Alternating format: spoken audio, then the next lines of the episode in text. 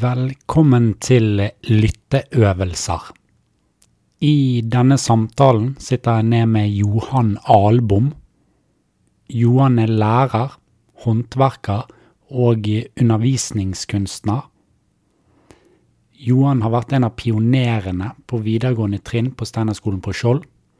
I denne samtalen forteller Johan om historien til skolen, pionerfasen, hvordan og hva som lå bak initiativet, og hvordan de arbeidet for å realisere skolen og den eh, visjonen de hadde. Jeg håper du finner noe i denne samtalen som du kan ta med deg videre.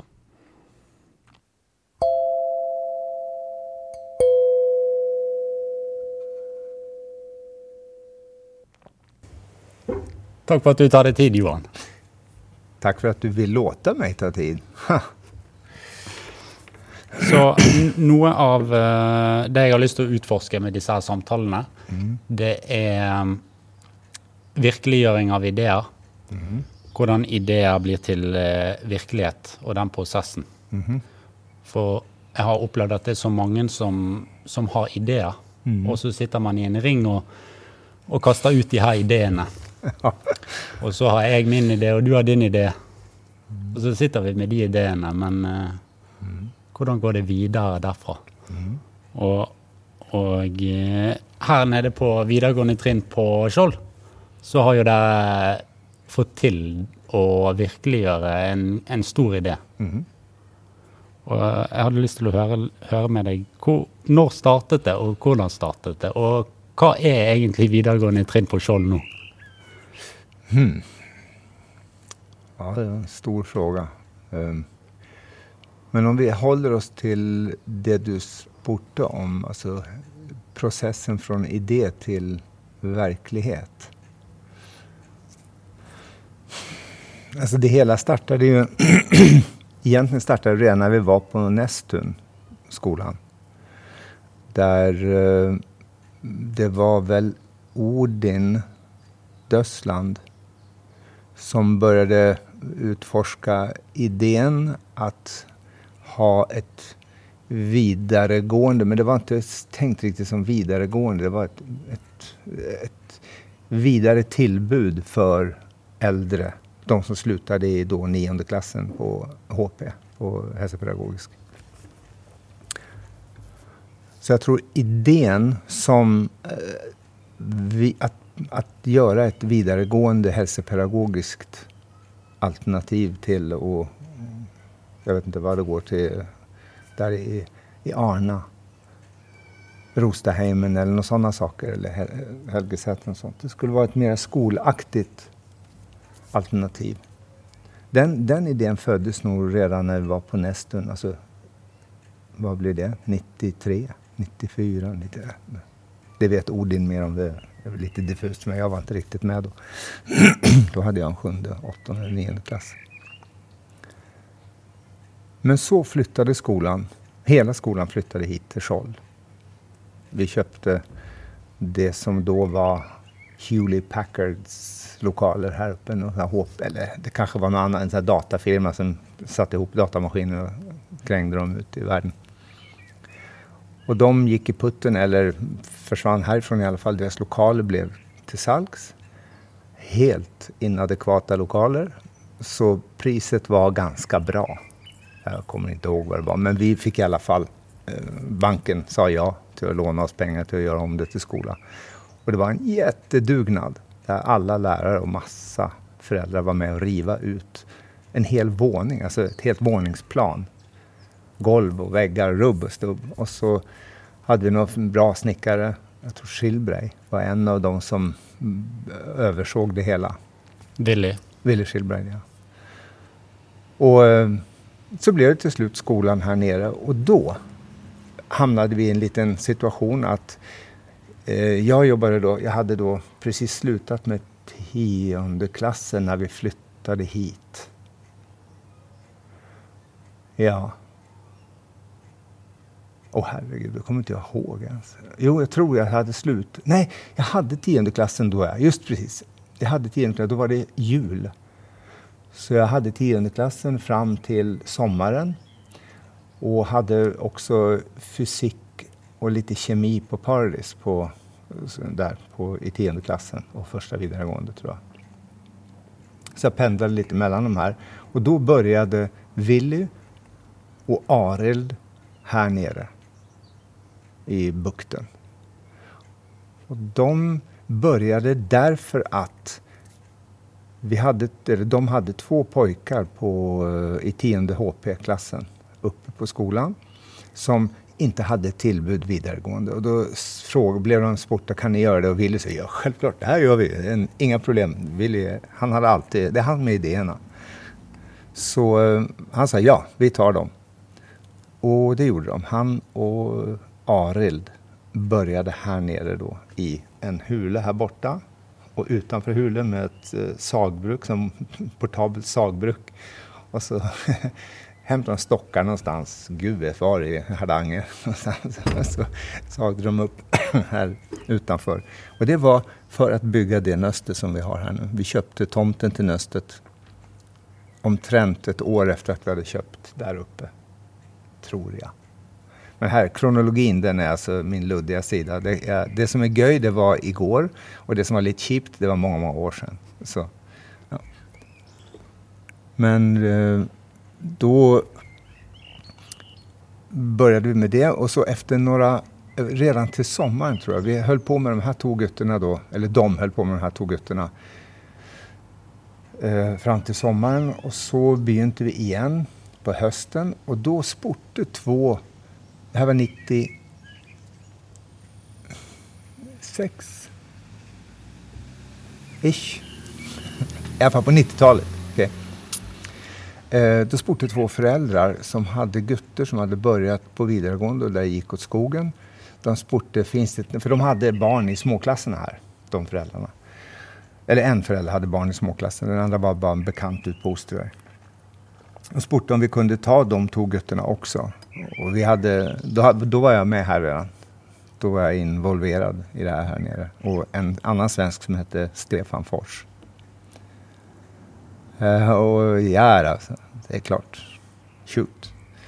Så då var det fyra gutter. Två från Hälsopedagogisk och de här två från Osteröj.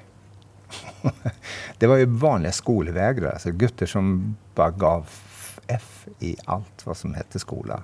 Och F, vad ska vi med det till? De fick vi hit. Och framåt, fram till julen det året så märkte vi ganska tydligt att förutom Willy, som var ganska van vid att hålla på med utvecklingshämmade vuxna. Han hade jobbat med det på Rosterheimen, tror jag, i många år vid sidan av bara på skolan.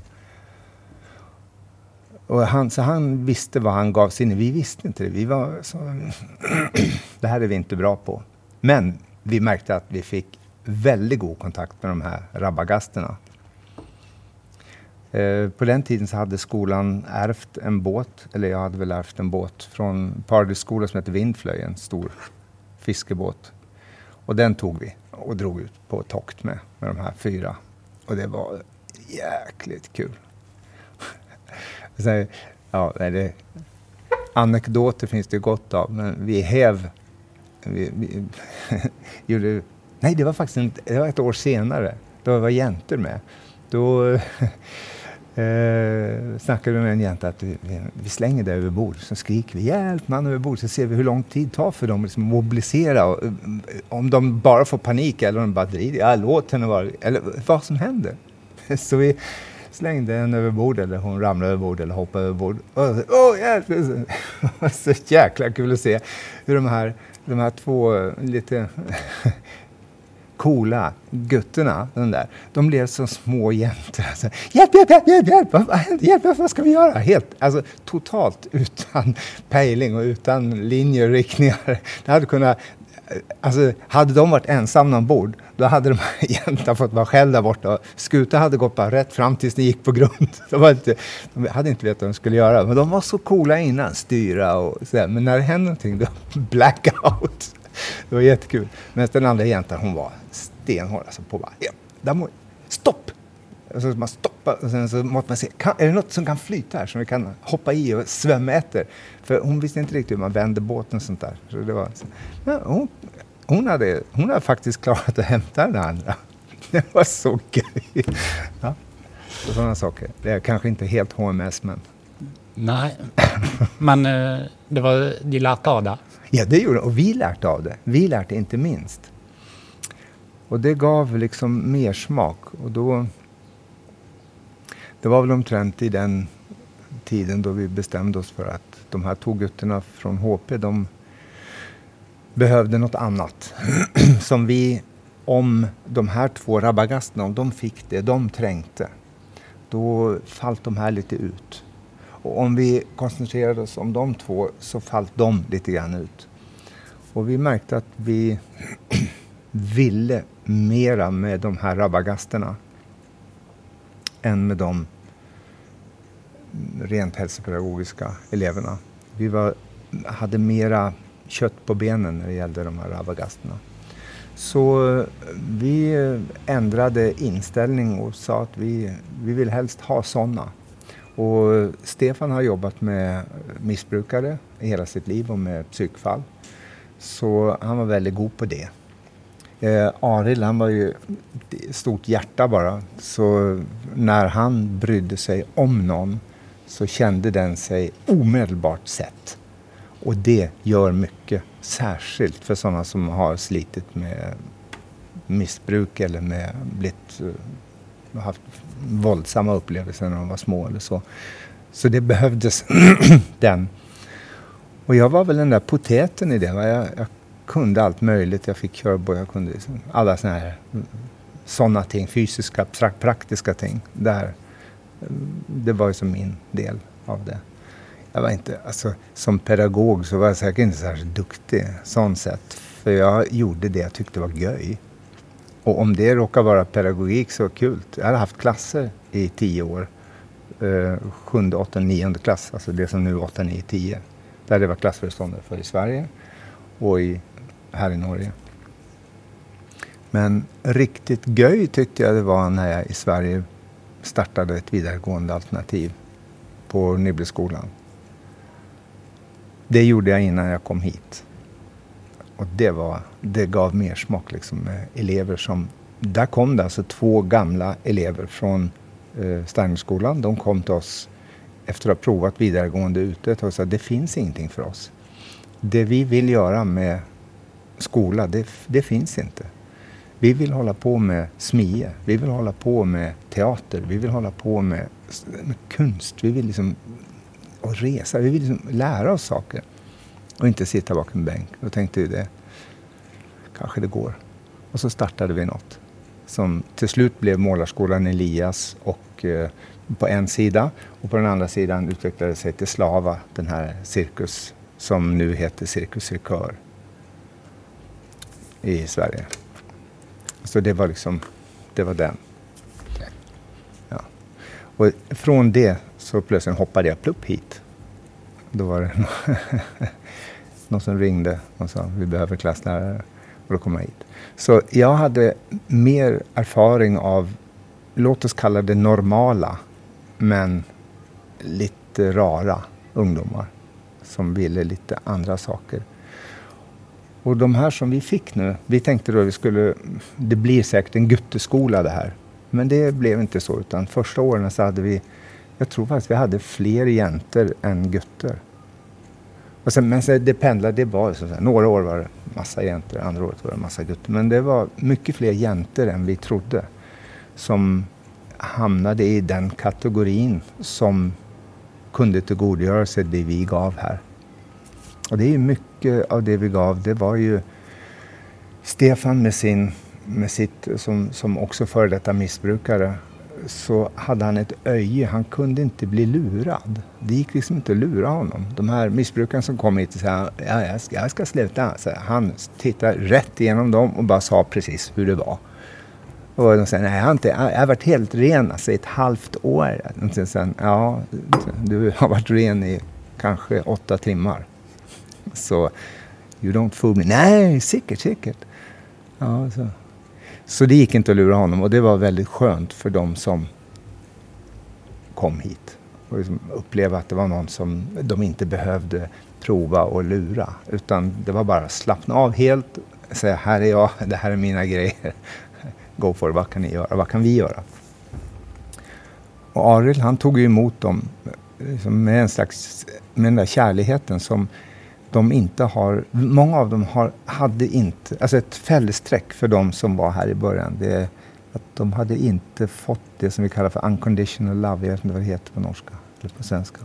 Ubetingad kärlek. Ubetingad kärlek. Den, den hade de inte fått känna utan de hade allihopa behövt göra för att bli likt eller för att, för att få goder eller såna barnbarnsbarn och institutionsbarn och sånt. Och också missbrukare, väldigt ofta så tyr man ju till missbruk av någon slags självmedicineringstvang. Alltså man, man passar inte in, det funkar inte. Det är inte man vill bara bort, man vill ändra sig. Som Stefan sa, då, man vill ju, det är svårt att förändra verkligheten där ute så att den passar mig. Men jag kan förändra mig själv så att jag inte behöver ha annan verklighet. Jag kan liksom förvränga mig själv så att jag njuter av det som är. Och det kan man göra med, med droger. Det går väldigt bra Och med alkohol. Det går väldigt fint. Då passar jag in där jag är för att jag är mitt eget lilla... Man kan sitta tio personer runt en bärshög och säga wow vad vackert det är. Ja, fan skitsnyggt alltså. Oh, härligt, stiligt. Men så om någon slutar och börjar säga titta det är bärs där vi sitter runt och, och jojar om. Du är dum, stick! Och så kviser man ut den här som börjar bli frisk om man kan säga det. Och då blir den ju utan vänner. Så vill den, så, det är ett himla spektakel. Men så där såg Stefan lite grann på det. Och det hjälpte dem att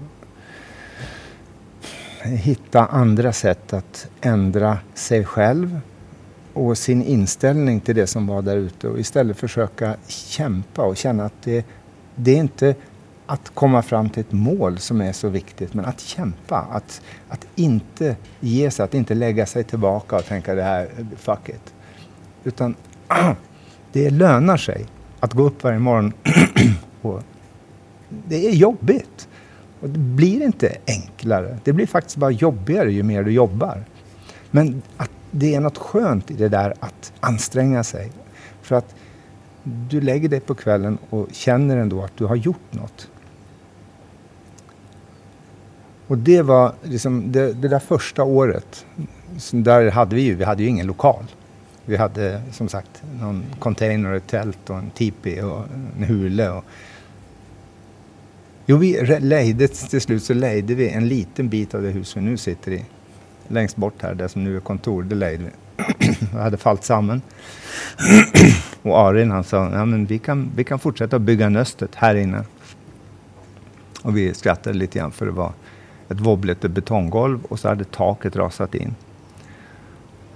Och då tänkte jag som praktiker att ja, men vi tar väl och hissar upp taket då. Det finns det ju en truck här.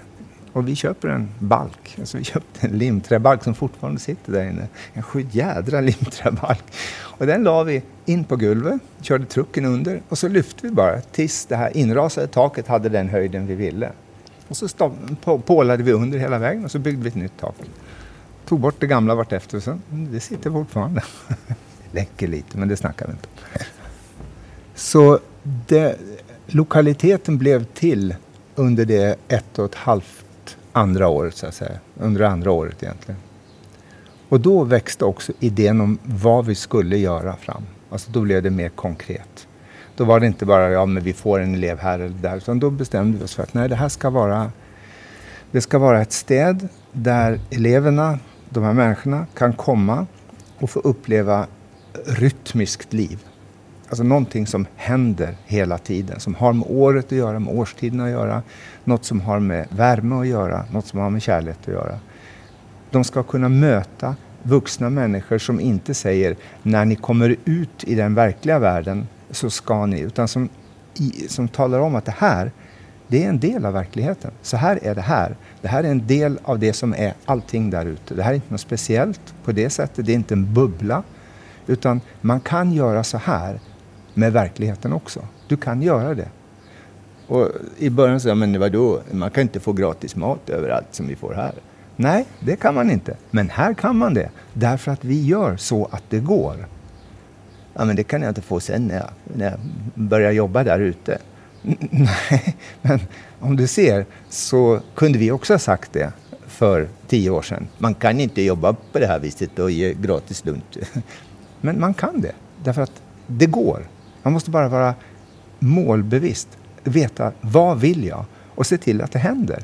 Och så kan det gå åt helvete, det går fint det. Men det kan också gå bra. Och den chansen får man aldrig låta gå förbi sig. Den ska man ta. Det, hur ska det annars gå? Nej, det är ingen som har gjort det, så jag gör inte det. Ha? Vad var det de sa? Allt är omöjligt ända tills det är gjort. Ja, så vi provade. Och det blev våran ledstjärna egentligen. Det blev det att det ska, eh, Willy han sa, det ska vara ett fyrtorn det här. Den här skolan. Jag tänkte säga fyrtorn, ja det är som andra kan se upp till och man kan se fram till och det, det är något där. Men alltså sa nej, inte sånt fyrtorn. Ett fyrtorn Johan, du kan ju navigera. Så vad använder du fyrtorn till? Att hitta vägen. Ja, du seglar inte fram till ett fyrtorn för då kraschar du ju. Ja, nej, ett fyrtorn är någonting som hjälper dig att navigera i orolig tid. Så ett fyrtorn det är bara någonting som är stadigt, som du vet är där. Och det ska vi vara.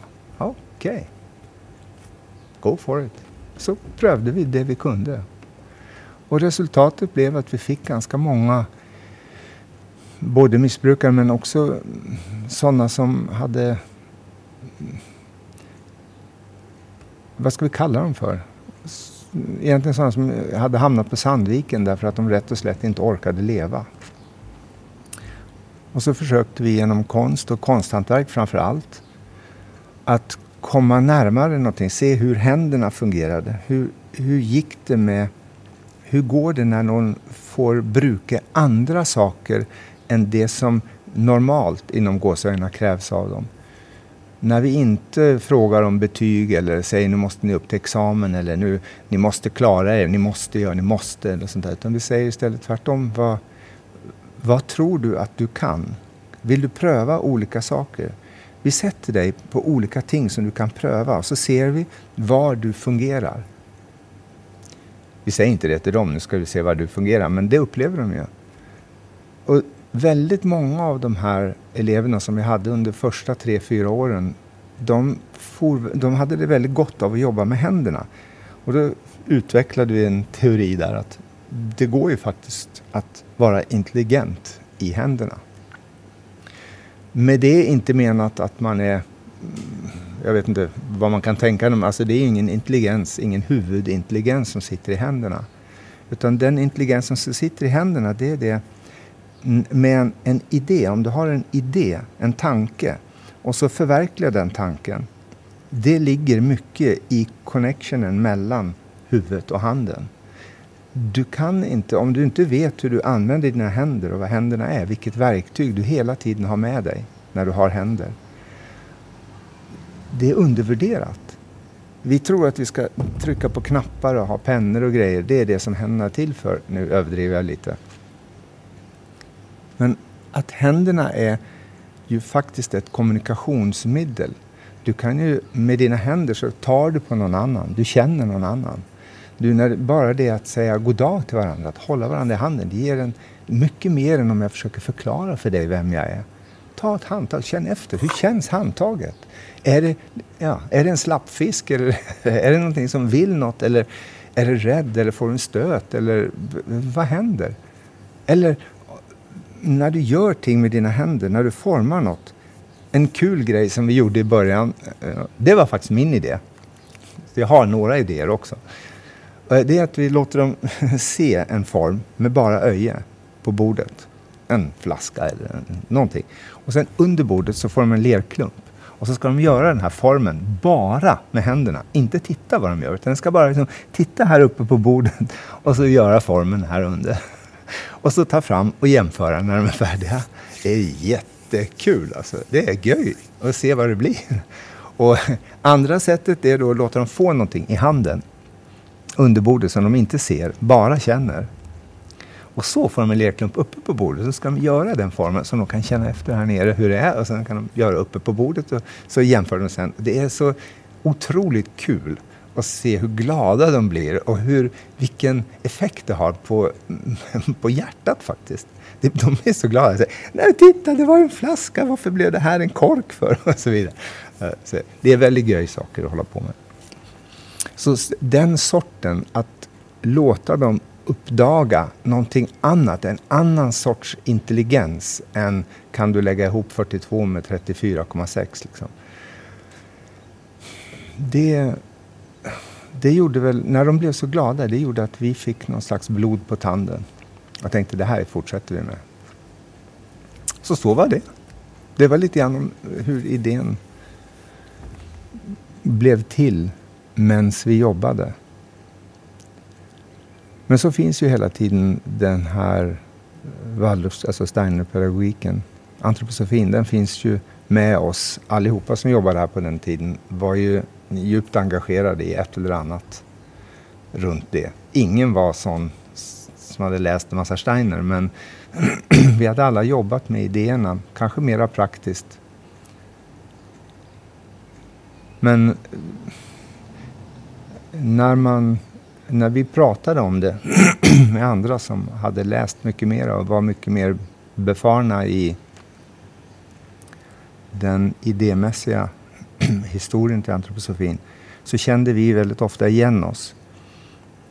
Och det, jag tror att det var genom den vägen egentligen som vi blev så glada i den antroposofiska impulsen. Där den på något sätt lämnade allt det dogmiska, om man kan kalla det för det. Hela dogmatiken, den, den kunde vi skrota därför att den behövdes inte. Det var inte vad sa Steiner om det här, utan varför sa Steiner om det här? Det, var, det blev mycket viktigare. Och det gjorde att vi, i de kollegorna som, där vi pratade om antroposofi, där blev det mera ett samtal om det som sker i världen. Och hur ser vi på det som sker i världen? Hur, vad drar vi för slutsatser? Vad har vi för tankar runt det? Hur, hur stämmer det med det vi gör här? Gör vi faktiskt, förbereder vi de här eleverna för att tänka själva på riktigt? Att bli fria? Vad betyder det? Liksom, det finns en bok, eh, en Waldorfpedagogbok som heter Fostran till frihet eller Fostran för frihet. Och det är ju jättesvulstigt. det är som att säga, nu ska vi undervisa i kärlek. Först måste man ju börja tänka efter vad frihet är. Vad, vad är frihet? Och det var ett centralt tema i hela uppbyggnaden av den här delen här nere. Det är, vad är frihet? Och där kanske en, mm, en sådär ord av min lärare i Ivar Heckscher i, i Järna. Han sa till mig när jag började tycka det var kul att vara lärare. Så han, ja, men det här med frihet, ser du. det är större frihet att välja att göra något än att välja att inte göra det. Ha? Det var så här, jag var 20 då tror jag, eller 25 kanske. Det, var, det, det, det lät jättebra, men jag kunde inte riktigt förstå vad han menade. Att välja till var mer fri frihet än att välja ifrån. Men det har på något sätt satt sig fast i mig, det där. Och nu tror jag på det. Och jag vet att för mig själv så har det blivit sant. Jag är friare när jag kan engagera mig och när jag kan jobba, när jag kan säga jag gör det. Ja, jag kan göra det. Jag kan ta den. Jag kan... Det är en större frihet för mig i mitt liv än det att säga nej, jag vill inte, jag gör inte. Nej, det där är ingenting för mig. Nej, det... Och nu gör jag det som om det, jag låter ju också som bra och dåligt, men för mig är det det. För mig så blir det en slags eh, lathet att säga nej, jag vill, jag vill, inte lära mig eller jag vill inte gå in i det. Nej, jag, jag gör hellre bara det jag kan. Då är det någonting som stoppar upp när jag inte längre har utfordrat mig själv eller spör om något mer. Så för mig så blir alltid spörsmål viktigare än svaren på något sätt.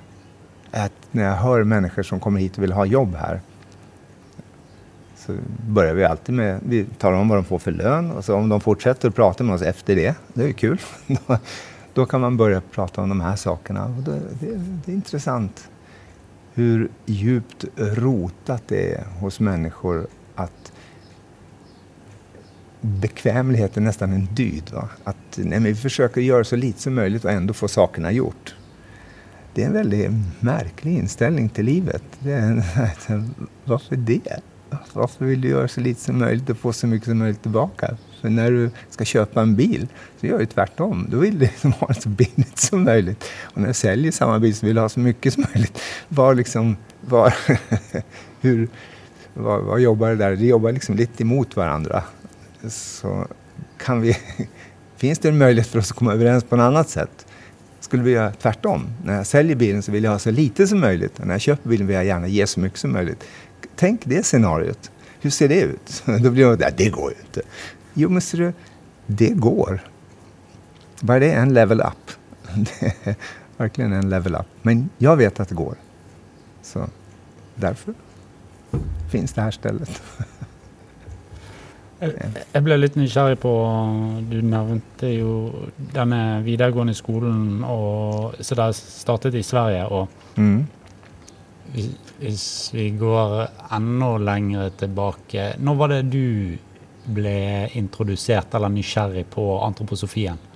Som antroposofi som sak.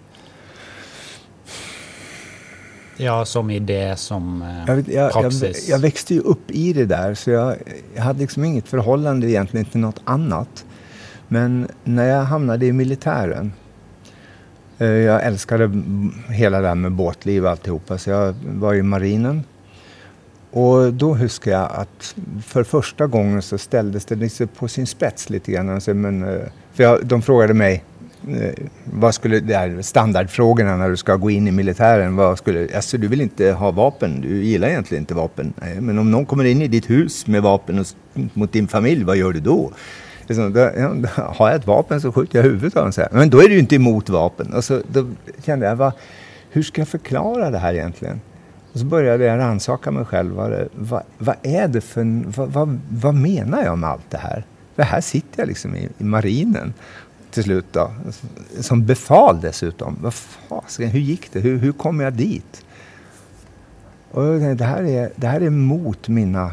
Mot min, egentligen mot min eh, överbevisning. Jag, hur gick det? Var, var gjorde jag de där fela valgen så att jag hamnade här? Men så... Eh, då, dawned, vad heter det? Det det, det gick upp Det dig? gick upp för mig, ja. Det gick upp för mig. Att om jag inte känner till något så är det väldigt svårt att kritisera det. Och det är också svårt att älska det. Om du, inte, om du liksom är emot någonting så stänger du på något sätt dörrarna för att se det goda i det också. Jag säger inte nu att det är gott eller dåligt eh, med militär. Det, får jag överlåta till andra. Jag själv tycker att det är en ganska waste of money. Men, eller av energi. Men det är klart, så som vi har byggt upp vårt samfund så är det en del av det som inom gåsöjna trängs för att hålla saker i balans. Men det är en väldigt, väldigt äckel och ganska farlig balans. Alltså, ju längre vi drar det desto tyngre blir båda väktskålarna. Och det som håller bägge väktskålarna uppe det knuser när det blir för tungt. Och jag upplever på något sätt att vi, vi börjar komma dit hen att det som löses med våld och det som är emot att lösa det med våld, det drar i de här växtskålarna och armen som håller växtskålen, vi, vi tänker bara på de här två växtskålarna men det är något som håller växtskålarna också. Och det, håller, det tror jag håller på att knäcka. Så vi må vara försiktigare. Så, men det är ändå en liten bisak. Men eh, för mig så gick det upp då att det, det går inte att ha fundamentalistiska idéer om saker som du inte känner till. Du måste, eller i alla fall jag kände att jag måste lära mig någonting om det som jag lever i. Och jag lever faktiskt i en värld där det finns militär. Och hade jag upplevt mig själv som militär motståndare någon gång i något, då hade jag hellre velat mött mig face to face än någon som tycker det är kul att skjuta någon. Jag hade hellre velat möta en sån som mig som kanske till och med kunde prata med fienden och kanske blev skjuten själv, men det spelar inte så stor roll. Men, eh, så varför skulle det inte finnas på något sätt människor som tänker lite annorlunda också i militären? Varför, varför ska inte de finnas där? Om vi någon gång ska förändra någonting så måste någonting hända inifrån. Och den... Nu börjar jag tänka efter vad jag själv hade fått för uppfostran och vad jag hade varit med om fram till då i mitt liv. Och väldigt lite av det handlade om indoktrinering. Som många anklagar mig för. Ja, men du har ju levt i det här, du, du är ju, det är ju flaskad upp på och du vet ju inget annat. Sådär. Ja, kanske det, men jag har ju då tagit lite underliga vägar. Jag har inte jobbat särskilt mycket. Innan jag började som lärare så har jag inte jobbat med särskilt antroposofiska ja, jo, saltobageri. Liksom. Men eh, sen eh, hela militärtjänstgöringen och, och, det som jag gjorde senare i militären, det var ju, jag hade absolut ingenting med antroposofin att göra. Och likadant med flygningar, hade ingenting med antroposofi att göra. Men det är inte det som är grejen, utan det är ju jag som gör det. Det är jag som gör alla de där sakerna. Så att eh, tro att jag måste göra något annorlunda därför att jag har antroposofin som jag säga, mjölk i min barndom. Den, eh, det är fel. Och jag skulle aldrig undervisa heller i antroposofi till ungdomar. Aldrig någonsin. Jag skulle ju undervisa utifrån antroposofin. Jag skulle försöka förstå varför vad är det som gör att människan och kroppen behöver olika saker i olika tider?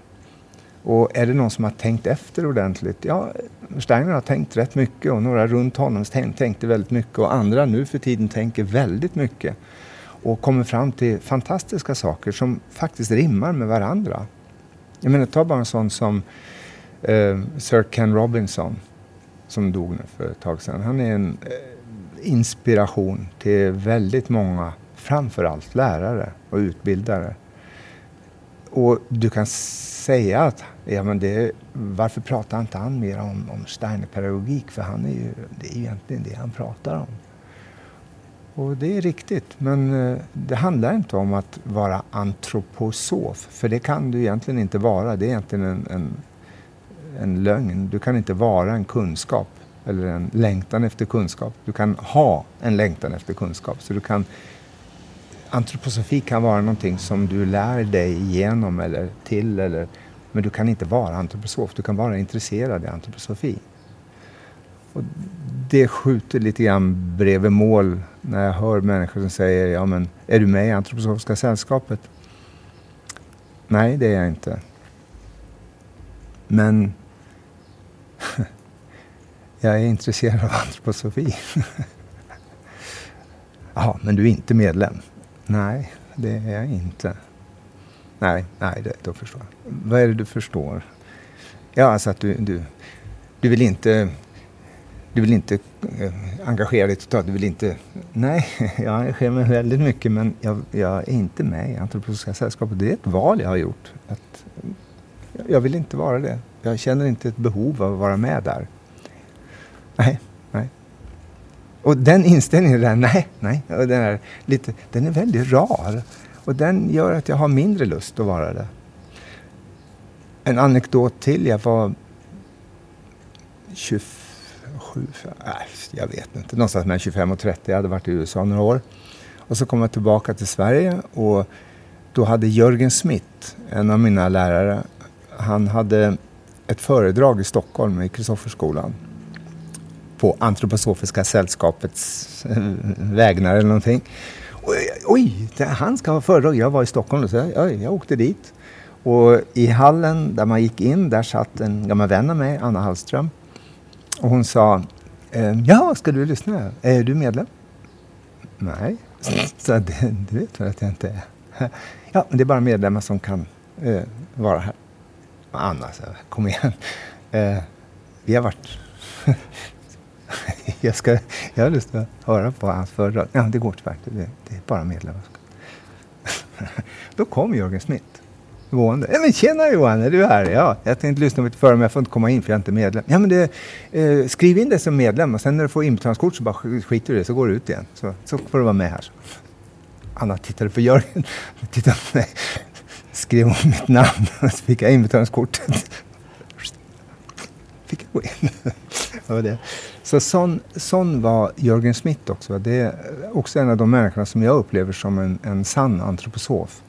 Därför att han var verkligen intresserad av att utveckla någonting som hade med människan att göra. Inte bara i huvudet utan hela. Alltså hur kan man, hur kan man göra med barn så att de lever och blir glada i sig själva, intresserade människor när de blir stora. Vad behöver ett barn för att det ska bli ett fritt vuxent människa? Och då är det ju eh, det som vi nu gör med skola i generellt är att vi talar om för barnen redan i tredje, fjärde, femte, sjätte klass vad de är god på. Vad de borde bli. Och när de kommer i tian så ska de välja linje för vad de ska bli. De har ju för fan inte pejling på någonting. De ska få gå i skolan och bli färdiga och testa massa saker och så se vad de har lust att göra. Så för mig när jag ser barn, när jag är med barn eller ungdomar, så vill jag träffa dem 20 år senare och så har de blivit någonting som jag inte hade pejling av.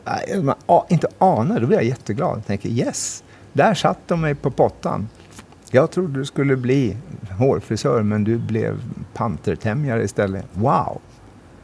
Det gör mig glad och det tror jag, satt lite på spetsen, så är det kanske så som jag ser Waldorfpedagogiken eller Steinerpedagogiken så ser jag den som ett verktyg att lära känna människans utvecklingspotential. Vad behövs för att en människa ska kunna utveckla sig? Det måste vara ett primärt intresse för en lärare, tänker jag.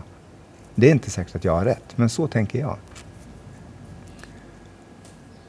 Och för mig så ger antroposofin en massa god mat på den vägen genom att lära mig att tanke, känsla och vilja kan övas var för sig hos barn. De där tre, han har gjort, Steiner har gjort en massa modeller och sådär, som man kan använda.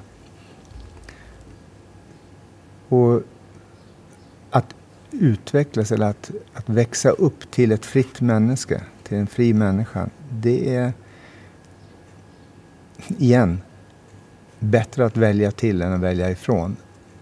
En annan lärare till mig sa att du kan aldrig... Det du lär dig trycker aldrig ut någonting annat ur huvudet. Och det har också stannat kvar som en bild. Sådär. Hur mycket du än lär dig. Det är inte så att okej, okay, men då kan jag inte huska det här. Jag vill inte lära mig det där för då kommer det ut. Det är ju inte sant. Vi har ju så enorm kapacitet och den ska vi bruka. Så att lära sig någonting nytt, att hela tiden lära sig, det är dritgöj. Ja, men det är det, verkligen. Jag har aldrig träffat ett barn som säger jag vill växa upp och bli idiot. Aldrig hört någon som säger jag vill aldrig lära mig någonting, jag vill bara vara dum. Eh, vilket barn? Ja, det är klart. Något. Eftersom jag säger att det inte finns så finns det säkert.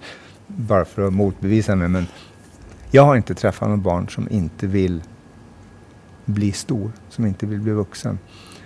Ja, jo, det har jag faktiskt. Jag har träffat några ungdomar som inte vill bli vuxna därför att de ser vuxna omkring sig som försöker vara ungdomar och misslyckas kapitalt. Och då är ju ungdomen bättre. Då är de, de är ju där. Och sen kommer de där 40, 50, 60 åringarna som försöker vara coola. Liksom i, i, vad heter de där tangabyxorna som var, som var sådana här idiottecken på gubbar. Det är bara en liten påse fram. Liksom. Och de springer omkring och är bruna på stranden med magarna hänger liksom. Ska vara ungdomar och, Ja, ja, Gud i himmelen. Nej, det, vet du vad? Det är mycket bättre att låta ungdomar vara ungdomar och sen kan vi vara stolta vuxna istället. För det är det de kommer att bli så småningom. Om vi kan visa att vi fortsätter att leva, vi fortsätter att fråga, vi fortsätter att intressera oss, vi fortsätter att utveckla oss. Det är göj att bli vuxen och det är faktiskt väldigt intressant att bli gammal. Och om vi visar det och inte visar att vi bara är rädda att bli gamla genom att sminka oss till unga hela tiden och plastikoperera oss så vi ser ut som 16-åringar fast vi är 80 liksom. Vad fan, kom igen. Vi tar ju bort hela lusten för ungdomarna att bli mogna. Så det är inte konstigt att de inte vill. så. Ja, nej, eh, digression där igen. Men... Vi tåler det. men, men jeg, jeg, var nysgjerrig på um, Igjen, du nevnte militæret. og at du der ble liksom kanskje konfrontert litt med at uh, hva er det jeg står for, og mm. hva er det som er mine mm. verdier. Og, og, uh, var det et, når du kom ut der, at du gikk inn i lærer og skole? Og Nej. När jag gick ut av militären så då åkte jag, då var jag först i Sydsverige och tog utbildning som avlösare i, för bonde, alltså för uh, mjölkbönder. Mm. Så jag var avlösare i ett år och åkte runt och hade, när de hade ferie eller sjuka eller sådär så var jag i lagen. Och skötte. det var det jag gjorde direkt efter militären. Och så, ja så där med kronologi. um, efter det Jag vet inte vad. Jag jobbade säkert på någon bilverkstad. Eller något. Jag anar inte. Jag gjorde så mycket sjuka saker. Men så åkte jag till USA och var i USA i tre år med korta avbrott hemma och så kallad sommarferie. Och de åren då, då flög jag, utbildade mig till flyglärare. Så hade jag en liten flygskola i Kalifornien. Och efter det, då kom jag hem. Bara, för det, det, det hörs ju ut som ett spännande äventyr. Du hade alltså det är väldigt spännande. du hade en du hadde en uh, flygeskole. Altså en, mm. en, du lærte opp uh, mm. folk til å fly. Mm. Ja, det, det, en flygskola i något som heter Covelo, ett indianreservat i norra Kalifornien. Det var ganska spännande. Hur kom det? Ja, säg det. Nej, det var när jag slutade nian, alltså det som nu är tian. När jag gick ut nionde klass så fick jag ett, ett betyg från Kristofferskolan i Stockholm. Ett eh, vittnemål där det stod Tack för det året du har varit här. Vi önskar dig lycka till i ditt nya skolevalg. Liksom inte fortsätt här, utan det var en sån här pekepinn. Stick! Jag hade haft några, några, eh, ska vi kalla det för, konfrontationer med andra lärare på skolan där. Så de ville väl inte ha mig helt enkelt. Så då visste jag inte vad jag skulle göra för jag ville egentligen inte gå i andra skolor. Jag ville vara där, jag hade mina vänner där. Men eftersom jag inte kunde det så uh, åkte jag, om det var min egen idé, jag tror det, så åkte jag till min farfar i Västerås.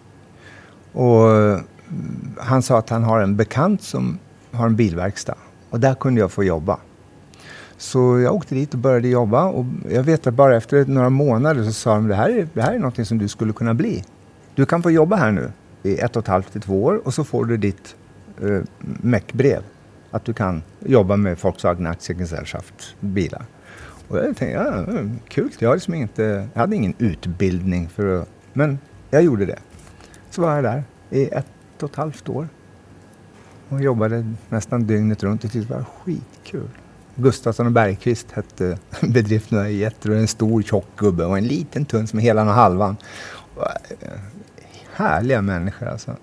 Och de lärde mig att det, hela den fysiska eller mekaniska världen, den mekaniska världen handlar om de här principerna, enkla, växtstången egentligen. Växtstångsprincipen är egentligen allt.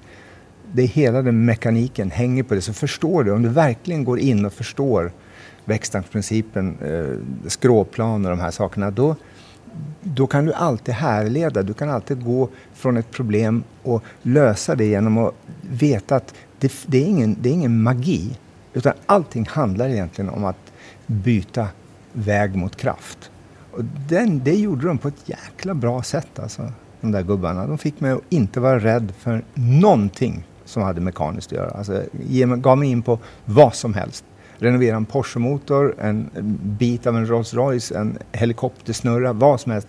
Det spelar ingen roll för det är mekanik. Är jag bara nöje och skönjer principen så löser jag problemet. Och det var så dejligt. Det var så skönt att ha någonting som som jag mästrade. För allt det andra med kärleken, oh, det var för helvete.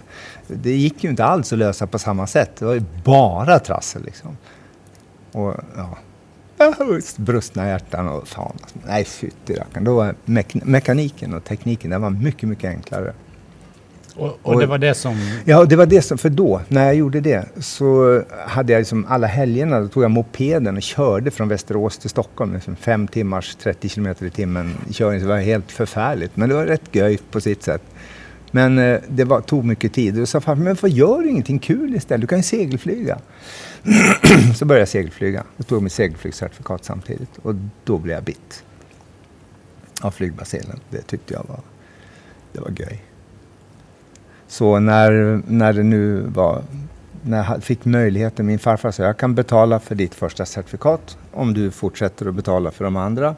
Och så jag, ja, prova. Så jag åkte dit med min bror, vi tog vårt första certifikat. Först började vi i Sverige men det var så otroligt chipt att gå på flygskola i Sverige. Mina kamrater som var på flygskolan, de kom från Djursholm allihopa, det var sex stycken. Det var miljonärssöner. Och de var så jobbiga. De kom liksom i Porschar och Lamborghini till skolan. De, snackade, de hade liksom pilotbriller, de hade pilotkepsar, de hade pilotjackor. De hade, de hade nätt börjat att veta vad, vilken bak och fram på ett flygplan. Och jag blev så matt av de här som bara pratade hela tiden. Om Gotland. Jag flög alltså till Gotland igår med pappa. Och sen, sen, jag, jag orkade inte. Så då sportade jag rätt och slätt min farfar om jag fick sluta, för jag ville inte vara med där. Då sa men vänta lite, så, för det, det finns ju andra. Kan du inte hitta någon kompis där? Så jag hittade en mekaniker på flygplatsen, på Bromma. Och han sa, äh, jag känner en kille som heter, som, som eh, Grafström heter det är en hel familj. De har en flygskola i, på Öland och så har de en i USA. Och jag tänkte, vad USA? Ju längre bort från Djursholm jag kommer, dess bättre. Så jag träffade de här killarna och de var jäklar, han var på min ålder liksom. Och jättekul. Och pappan var en sån där, han såg ut som en pilot. Som du kan föreställa dig, så här, isblå ögon och stor och kraftig och sa bestämda saker. Jag blev helt imponerad av den här gubben. Och hans söner var då flyglärare också. Och han sa, ja, du kan få gå. Du måste bara göra, för du inte har vidaregående, så måste du göra engelsk test. För du måste kunna engelska, skriva och räkna, eller skriva och läsa. Så jag tog den där testen och flying colors. Liksom, inget problem. Anders, min bror, han kunde knappt stava till sitt eget namn på svenska. Han frågade, har du gått samma skola som brorsan? Japp, sa han. That's it och så, han kunde inte säga goddag på engelska. Det var jättekul. så åkte jag till Florida och jag pluggade engelska med Anders. Men han klarade sig alltså. Det roliga var, han lärde sig flygengelskan så det gick ju jättebra när de säger, Tony säger left downwind for 2-4 liksom. Det fick han med sig, han visste vad det var. Men när de frågar något sånt där annat, de säger som, yeah, there's an airplane, could you please wait a few minutes and uh, do you see the big white building? Anders, helt tyst. Fel ord. det var jättekul. Ja, ja. Men det gick bra. Så vi tog privatflygcertifikat eh, bägge två det året. Och så åkte han hem, han ville inte göra mera tror jag. Om han fortsatte, nej han tog inte instrument eller någonting. Jag vet inte, han kanske tog, gick lite till men sen slutade han. Och jag fortsatte och då sa min farfar, ja, jag kan betala hela din utbildning. Om du tar flyglärarutbildningen, då ska jag betala allt annat upp till den. Så får du betala den sista biten. Så då tog jag hela rasket och sen när jag började på min flyglärarutbildning så fick jag då 20 000 av honom och det var ganska mycket. Det var halva flyglärar... nej, en tredjedel av flyglärarutbildningen. Och resten det plockade jag apelsiner och grapefrukt för. Och det, och det, här får, det här får vi egentligen inte säga men jag eh, polerade flygplan, vaxade flygplan, privatflygplan. Det får du bra pengar av. För det är ett helvetes jobb. För det måste göras för hand. För om du bränner lacken på ett flygplan med en poleringsmaskin, då måste du lacka om flygplanet. Det är inte billigt. Men jag kom på ett sätt att maskinpolera flygplan som gick jättebra. Jag var väldigt försiktig. Så jag klarade av att göra ett flygplan på en dag. Ett litet flygplan, alltså ett flygplan på en dag. Och det var goda pengar. Så jag klarade det med glans att betala för Eh, så det var ganska kul. Ja. Så noen år som eh, flyge, flygelærer. Mm. Ett år som flyglärare. Ett år som Mm. flygelærer. Två år där som, flyg, som student och sen ett år som lärare. Og så dro du tilbake til Sverige. drog jag tillbaka till Sverige. Jag fick något som kallas för 10 days volunteer departure från USA för jag hade glömt bort att fixa mitt visum. Eller de på den sista flygskolan hade glömt att ge mig ett eh, practical training visa. De hade bara glömt det. Så jag var olaglig i landet. Så jag hade en flygskola och då i USA så är det väldigt praktiskt. Det finns något som heter Chamber of Commerce. I varje by så finns det en Chamber of Commerce. Och där, när du startar en firma så låter du dem sköta böckerna.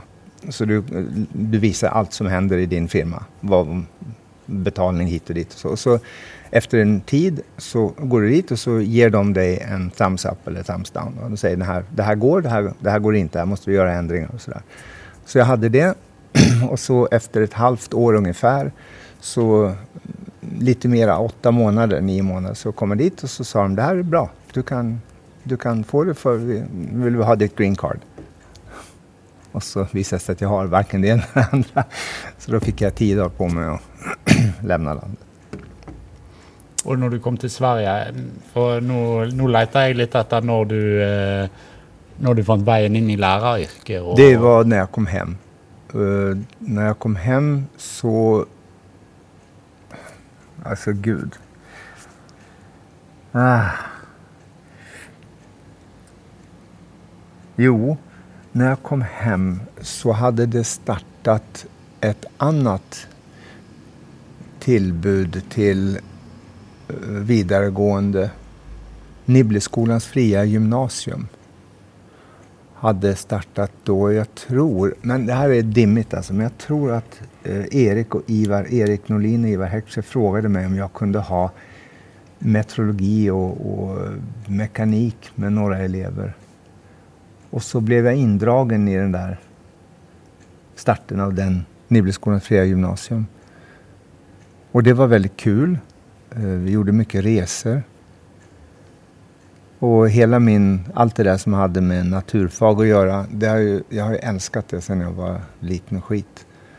Så eh, vi höll på att utforska grottor och då var det med, med trigonometri och det fanns, ju- GPS och sånt där fanns ju inte den, på den tiden. Men trigonometri, liksom hur du mäter en grotta, hur vinklar upp och ner och hur du vet hur högt det är. Och så här. Jättespännande! Och det gjorde vi. Och det var ju accelerating. accelerating. Det älskade jag. Så det gjorde vi. gjorde jag i ett par år. Och så... Det kan hända att det var tvärtom, men jag huskar inte det. Så frågade de om jag ville ta en sjunde klass. Och då sa jag nej, det kan jag inte. Bra, sa Ivar. Och så... Vad är det? 15 augusti så stod jag där framför sjunde klassen med Ivar bakom mig. Det här är era nya lärare. jag vet, jag kände mig som, jag vet inte hur jag kände mig, som en dålig elev på en examen. jag visste bara, det här går åt helvete. Och eh, så sa Ivar, ja, nu får du berätta vem du är och så får du berätta vad du tänker göra med dem. Jaha. Och jag tänkte, ja det är lika bra level. Jag är skiträdd. ja, det här är jag jättenervös för. Det här, jag vet inte hur det här ska gå. Jag hoppas ni kan hjälpa mig. Och så vände jag mig om till Ivar och han var ute. Han var borta. Så där stod jag. Och det var faktiskt så det började. Och det var jättefint. Eh, då tog jag dem ut ur nionde klassen, alltså 7, 8, 9. Det var väldigt spännande. Och jag, är, jag tror faktiskt att det var det som hände först. Och så kom det här med Nibbleskolans fria gymnasium efter det. Och då fick jag lite blodad tand på det här livet med de här ungdomarna. Och det var en del så kallade rabagaster också. Och knasiga ungdomar som ville andra saker än att gå på skolan egentligen. Och vi gjorde ändå en slags skola för dem som de älskade. Och att få jobba ihop med sådana tyngdare som Erik Norlin och Ivar Heckscher, det var också en, ja, det är en gudagåva att få, ha, att få jobba med sådana människor när man är ung. alltså människor som, som inte... Det finns inte en... Jag vet inte vad man ska kalla det för. De är så, på engelska, devoted till det de gör. Alltså de älskade verkligen det de gjorde och de gjorde det de älskade. Det var inte fråga om att tjäna pengar eller få namn för sig eller någonting utan det var, de älskade att göra det de gjorde. Det märktes. De var ju som på jobb. När jag kom, jag kom ganska tidigt. De var alltid där. Och det var helger och när du än ville, de fanns alltid. Eh, en fantastisk upplevelse, alltså verkligen. Och så började jag jobba ihop med min pappa. Och det är också en sån här grej. Som, jag har ju sett han som pappa. Och nu plötsligt så blev han en, inte kollega, men han blev en, en av de där Ivar och Erik och Per. Det blev som, som Plötsligt så fick de en annan dimension. Min pappa han blev plötsligt min lärare. Och han lyckades att hålla sig som min lärare och inte som min pappa. Utan att göra en, ett väsen av det. Nej, jag var fortfarande, jag visste att det var min pappa. Det var jättekul att det var min pappa. Men det var min lärare. Ja, det är jättespännande. En intressant upplevelse. Mm. Och jag tror det då, då, då märkte jag att även om jag, jag hade ingen utbildning som lärare, flyglärare. Det var den utbildning jag hade som lärare. Men någon annan hade jag inte. Och ändå så litade de här människorna på mig fullständigt. Så eh, jag jobbade också lite grann då på, i det som var, blev Nibbleskolan. Alltså det som blev Solvik sen, som flyttade Solvik. Där jobbade jag lite grann. Men mest med de här ungdomarna. Och det var i några år jag höll på med det. Så uh, tänkte jag att nu tar jag paus ett tag och jobbar bara med mekanik igen. För att liksom vila allting. Bara få bort, komma bort lite grann från pedagogiken och istället jobba med... Då hade jag tänkt att jag skulle jobba med Auris musikinstrument. Kjell Andersson. Att jag skulle liksom göra saker för honom. Han hade en liten maskin som han ville jag skulle bygga en som tvättar eh, klangstavar till klangspel. Jag menar, kom igen och stämmer dem. Alltså, en maskin som gör det automatiskt. Det var en kul uppgift.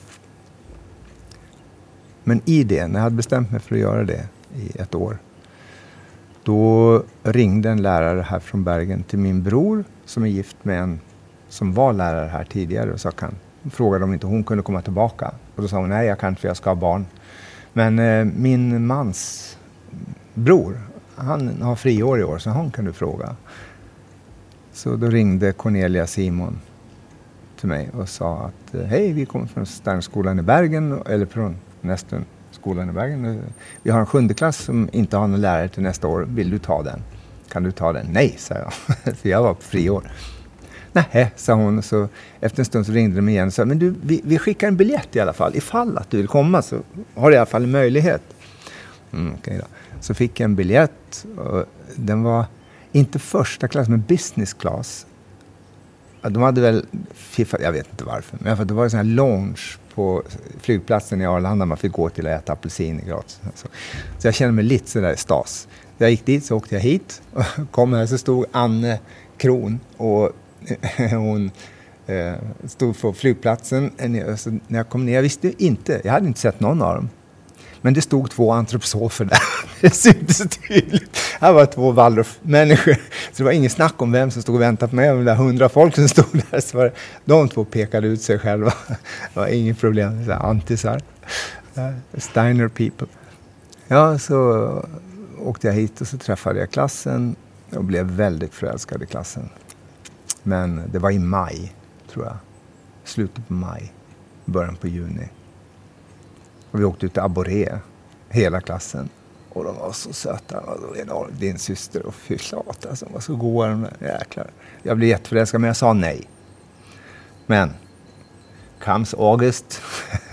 Då ringde hon igen och sa, har du bestämt dig? Ja, sa jag, kommer. och så åkte jag. Och så började jag här. Så det var egentligen hur det gick till att komma hit. Men den, eh, min... Det är så svårt att säga när jag började det här med lärare därför att jag tror att det... Det började nog redan i Covelo, alltså i, i Kalifornien, när jag hade den här flygskolan. För sista eleven kom runt, jag vet inte. Det, det spelar inte så stor roll, men det, jag var ledig från femtiden. Jag slutade flyga vid fem. Jag flög alltid ett par timmar på slutet av dagen. Eh, aerobatic var ju som min stora... Det var det jag tyckte var göj, att hålla på och flyga upp och ner och bak och fram och sådana saker. Det är skoj. Eh, men när det var färdigt, då kom det barn till flygplatsen. Jag hade en, eh, en stor Land Cruiser, en Toyota Land Cruiser, som, den gamla sorten den kan du köra med i vatten. Så är det en liten boll, en liten kula som sitter på gerspaken ganska högt upp. Och när vattnet kommer in och går upp till den, då måste du inte, får du inte köra längre. För då kommer det in i motorn och sådär. Det är ganska roligt. Det kommer in vatten på sätena. Det är som, allting var dränerat eh, och sådär kul. Stora hjul och sådär. Och den ville de åka med. Så alltid efter, efter flygskolan så tog jag med några ungar och så drog vi iväg upp i fjällen och badade och, och åkte på äventyr och så. Och det tyckte jag var göjare och göjare. Alltså jag längtade nästan till eftermiddagarna när jag fick vara med dem. Och där var det också en flicka som hade dyslexi på något sätt. Hon sa, jag, vi frågade, vad, jag frågade vad, vad, vad, vad, skulle du, om du fick spela ett instrument, vad skulle du spela för instrument då? Panio, sa hon. Panio? Så, vad är det? What, what's panio? What? sa hon. Ja, Panio said you want to play Panio. It's not Panio, it's piano. Piano. Who cares? It's the same letters. So. och den tog mig också sådär, ja okej. Okay. Så, här är en som är rationell i det här. Varför håller du på med det där? Jag sa ju vad jag menar. Du förstår vad jag menar. Så sluta larva dig.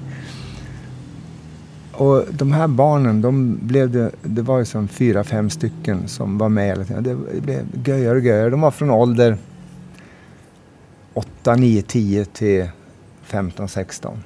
Alltså, det var spännande typer att hålla på med. Och göj, rätt och slätt. Så när jag åkte från Kalifornien så var det dem jag saknade. Det var liksom inte, det flygning det var göj, men det var liksom inte, det saknade jag inte på samma sätt. Jag slutade flyga. När jag kom till Sverige så slutade jag flyga. Jag flög inte på ett par år tror jag. Och så sa Majken, min sambo då på den, de sa nu ska du få en födelsedagspresent av mig. Jag tror jag var jag fyllde 30 eller 40. Gud vet. I alla fall, då sa han, jag har, jag har skrivit in dig på...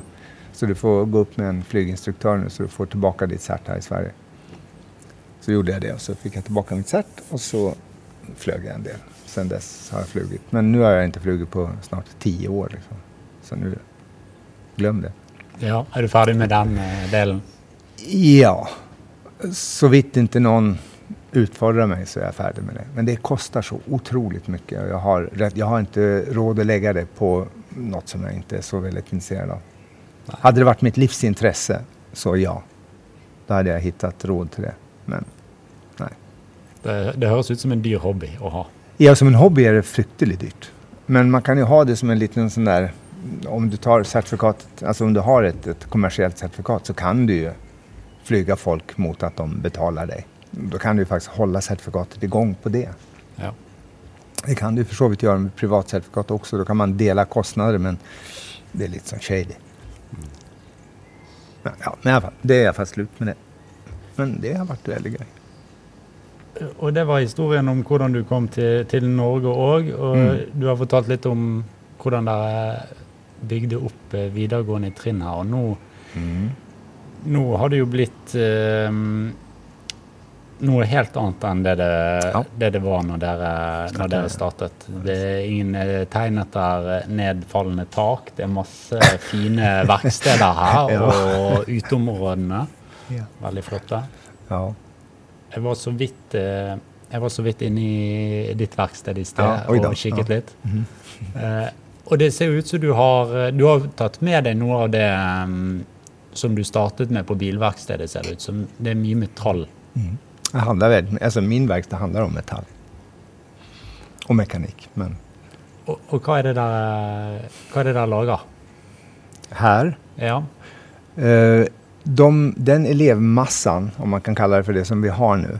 Det är sådana som inte, de är inte varken intresserade eller kan tillgodogöra sig att skruva isär en motor eller något sånt där. Det, som finns inte den, det intresset finns inte. Utan nu gör jag istället så att jag använder metall, olika metaller för att eh, jobba med det som vi kallar för viljan. Alltså, man, du måste betvinga någonting eh, som är lite motsträvigt. Men när du lär dig att det är du som mästrar genom kunskap så kan du forma och göra någonting av metall så att metallen lyder dig och inte bara är sig själv. Och, eh, du måste lära dig hur metall fungerar så kan den hjälpa dig att förverkliga någonting som du vill. Så det vi gör i början med de här eleverna det är koppar med kobber. Där börjar vi. De får en bit kobber och så visar de att genom att slå på kobbaren så kan de forma den. Vi gör en skål först. Så slår de på den och så märker man att ju mer de slår desto hårdare blir den. De slår och slår, det blir hårdare och hårdare, värre, svår, besvärligare och besvärligare. Slår de till slut så blir de helt svettiga och bara får ont i alla händer och alltihopa för att... Och så värmer jag den och gör den glödande och så kyler av den blixtsnabbt. Och så blir den helt blöt igen, som en papper nästan. Och så kan, och så kan de hålla på. Och så gör vi det. Och det är bra. Och vi berättar inte så mycket mera. Och så kommer de till nästa fas, då är det metall, järn. Då ska de prova, så tar de järn och så slår de på järnet. Och järnet blir försovit också hårdare, men inte riktigt på samma sätt som kopparen när de slår.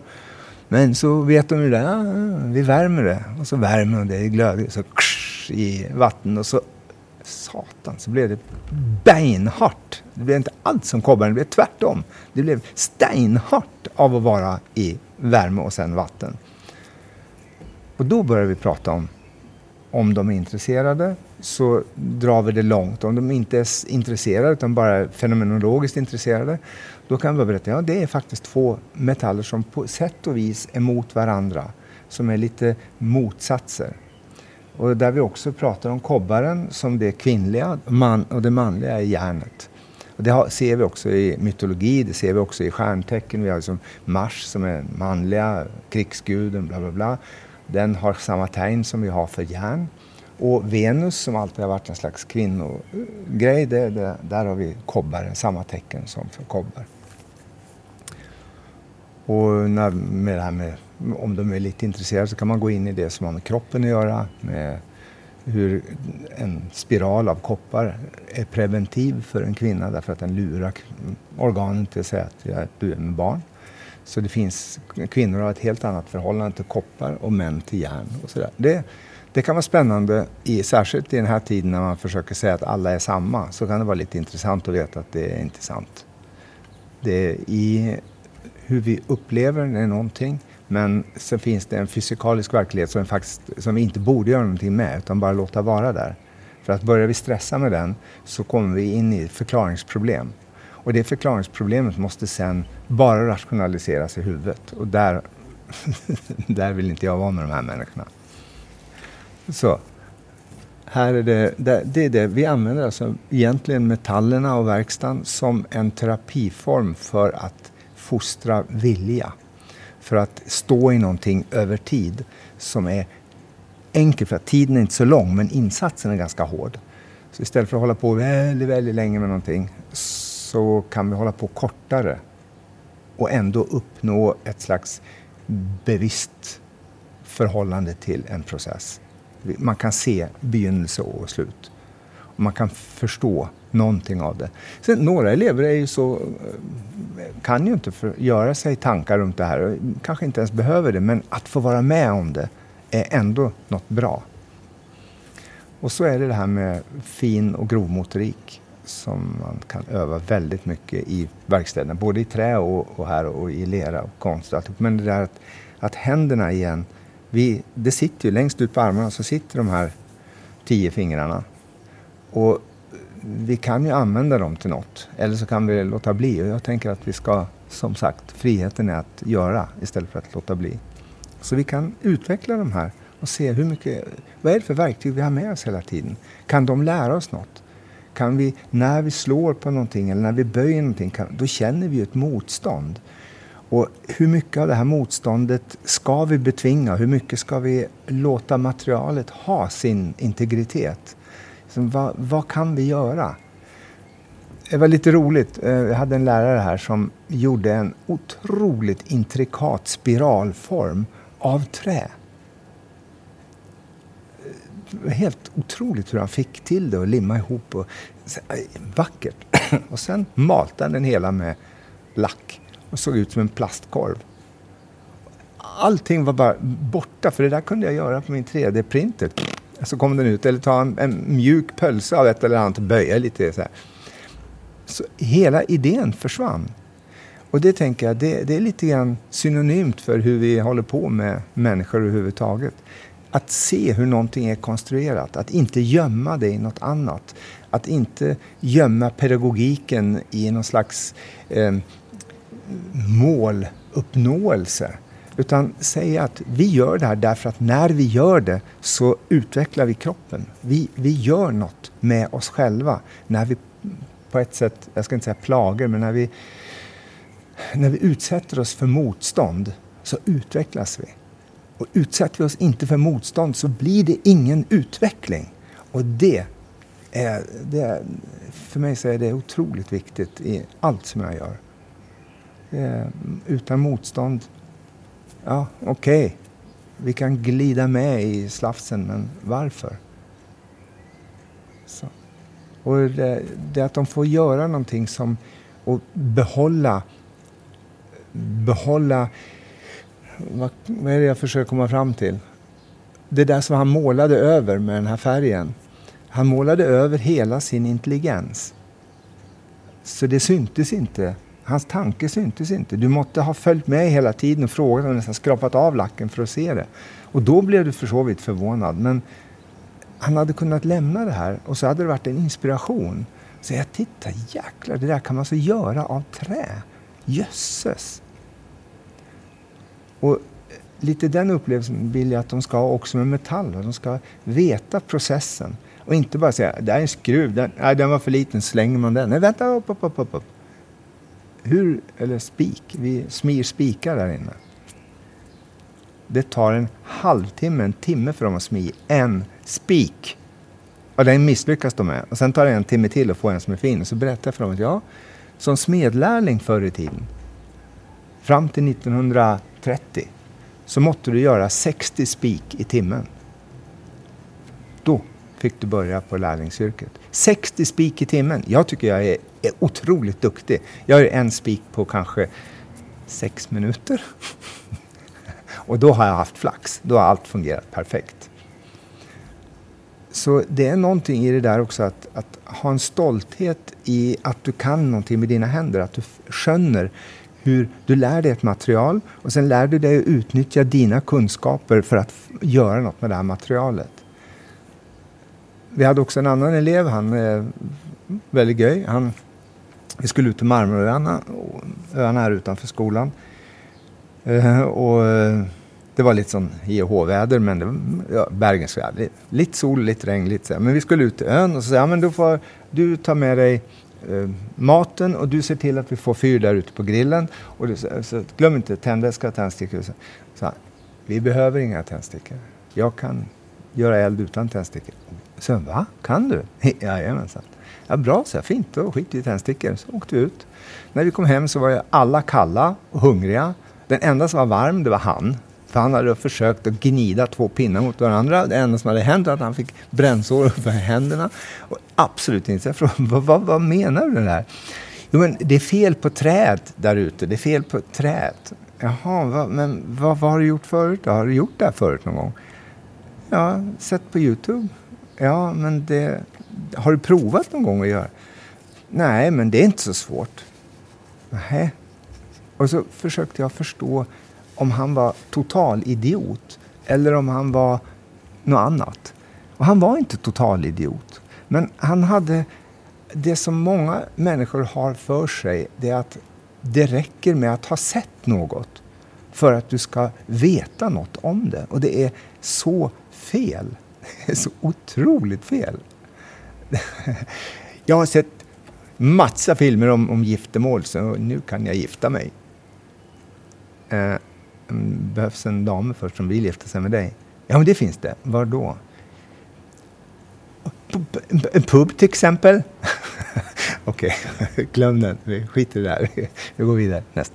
Så, så jag önskar ju att de ska få vara med om här, att få vara med om att göra någonting med sina händer så att de vet att det att forma någonting kräver en kunskap om det de ska forma.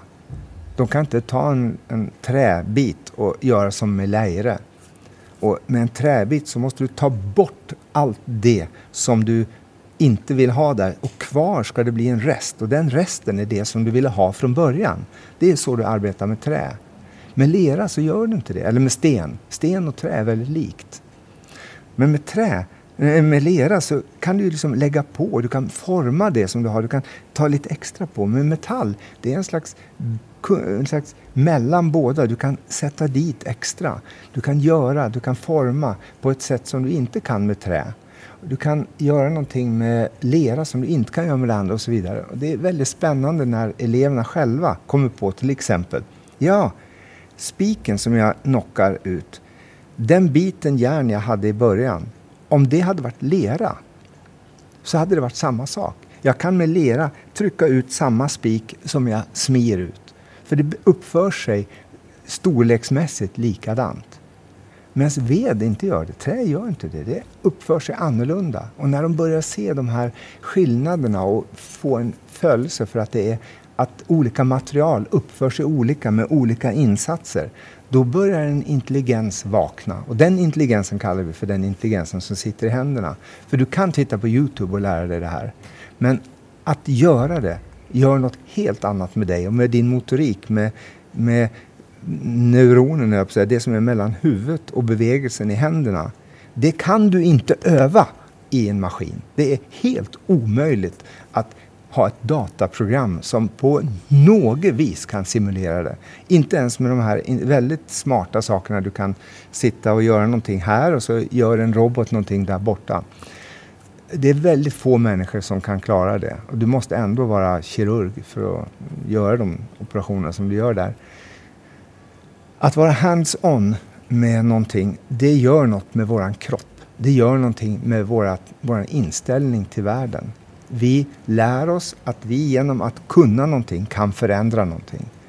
Och då blir kunskapen grunden till förändring. Alltså ett nödvändigt redskap i att förändra världen, det blir kunskapen. Alltså, skaffa dig kunskap. Och om inte skolan kan göra det med mig, utan ger mig en slags pseudokunskap hela tiden, så då slutar det med det som du sa i början här. Då sitter man i en ring och har idéer. Och så behöver man någon som gör idéerna, som förverkligar idéerna. Och då finns det inte de där människorna som kan göra. Så blir inga idéer verkliga. Ja. Det det jo en ting til som du uh, Som jeg forbinder deg med, da. Uh, verkstedet der, og så er det uh, leken. Mm. Jeg har nesten lyst til å spørre deg, hva, hva er lek for noe for deg? liv! liv ja. ja. det är samma som liv. Det, det, jag gör ingen skillnad. Alltså som sagt, när jag går på vägen och ska upp på forthövet så hoppar jag upp med den fot som inte är närmast forthövet därför att det är göj. Och ser jag en vägg som behöver balanseras på så balanserar jag på den. Därför att den är där och måste balanseras på. Det är så. Och den delen av leken, det är ju inte lek egentligen, det är bara liv. Men så kan man ju leka med människor. Man kan göra lekar som gör att du upplever mer av det där. Att du liksom får ett kanske lite mer närt förhållande till det som kallas för lek. Och egentligen så är det bara till därför att du ska tycka det är kul att gå upp på morgonen. Det är därför du leker någon som frågade, vi var intervjuade Arne Ness. Och någon som frågade, när, när eh, började du klättra? Uh, började? Jag har aldrig slutat. Så det, från början. Det, vi leker ju hela tiden egentligen. Vi borde leka mycket mera. Vi borde inte sluta när vi slutar tredje klassen. Vi borde fortsätta att leka. Det är lite viktigt. Så för mig så är leken helt integrerad i vardagen. Det är det, det, är en del av bara det att vara. Får jag inte, om inte jag kan göra de där sakerna, balansera eller något sånt där. Mina, mina vänner säger ofta, Johan, det är genant, kom ner därifrån. Så tänker jag, måste jag det? så jag kommer ihåg min pappa, han, var ju, han är ju gal. Eh, han var på restaurang med oss. Jag var 10-11 år gammal. Vi var i London på en lite sån fin restaurang. Och hans kollegor och elever på den tiden som var på seminariet i Sverige, de var lite oroliga för han är lite en sån här lös kanon. Va? Han kan plötsligt börja dansa mitt uppe, Dum teater och sådär. Så Per, snälla Per, uppför dig nu. På något sätt sådär. Och han säger ja, ja, ja, ja, det är lugnt. Jag vet att vi är på ett fint ställe. Det är inget problem. Jag, jag, jag kan, jag kan. Vara, vara, jag kan uppföra mig jag också. Jag bara, bara, bara det att plötsligen så, men jag kan, jag kan, jag kan. Så, och så satte han sig ner, där en tallrik och så besticken på sidan och så var det en sån här vit napkin som låg längst fram och den hade en ring på sig. Vad är den ringen till? Så. Och så, Per, slut, snälla Per. Nu tittar folk. Och det var i England, i London, alltså där man ska vara lite fin. Han tog den där, så tittade han på det där, så åkte ringen ner på tallriken. Kling, kling. Då lyfte han på ringen, höll i den här tuben och sen lyfte han på ringen. Kling-kling-kling-kling. kling, kling. Sen kling-kling-kling-kling. kling. Så tittade han sig Och hans kollega blev med. Jag satt där bredvid och var råröd i ansiktet för det här var som min pappa. Fy. Så tog han bort ringen. vad, vad, har man det här till då? Vad har man det här till? Så han eh, rullade saken. Sluta, Per, sluta, sluta nu. Så bara fällde han upp hela så den var som en sån där hånkle. Sen satte han på huvudet. Och sa, men det fattas ett band som jag måste ha. Jag måste ha ett band. Så att det... Och alla tittade bara... Och jag tänkte bara, eh, pappa sluta, jag dör snart. Jag, jag, jag försökte säga att han inte är min pappa eller något sånt där. Men det var ju som ingen idé. Och efterpå, när jag blev äldre, så förstod jag att det där är, var för honom ett sätt att säga sluta vara så prippna. Det jag gör är inte bra säkert, för folk tittade, men halva människorna inne tyckte det var väldigt gøy. Och han, men det här, det, saken fortsätter och var faktiskt ganska morsom. För så kom han då som skulle servera oss och han frågade vad ville ha. Pappa sa han ville ha någon sån här indisk soppa. Någon sån Och då frågade jag, verkligen, strong, medium? Men pappa sa very, very strong. Och okay. Och så började pappa äta sin soppa och jag såg den när han tog första skeden att det här, det här hade han inte berett sig på.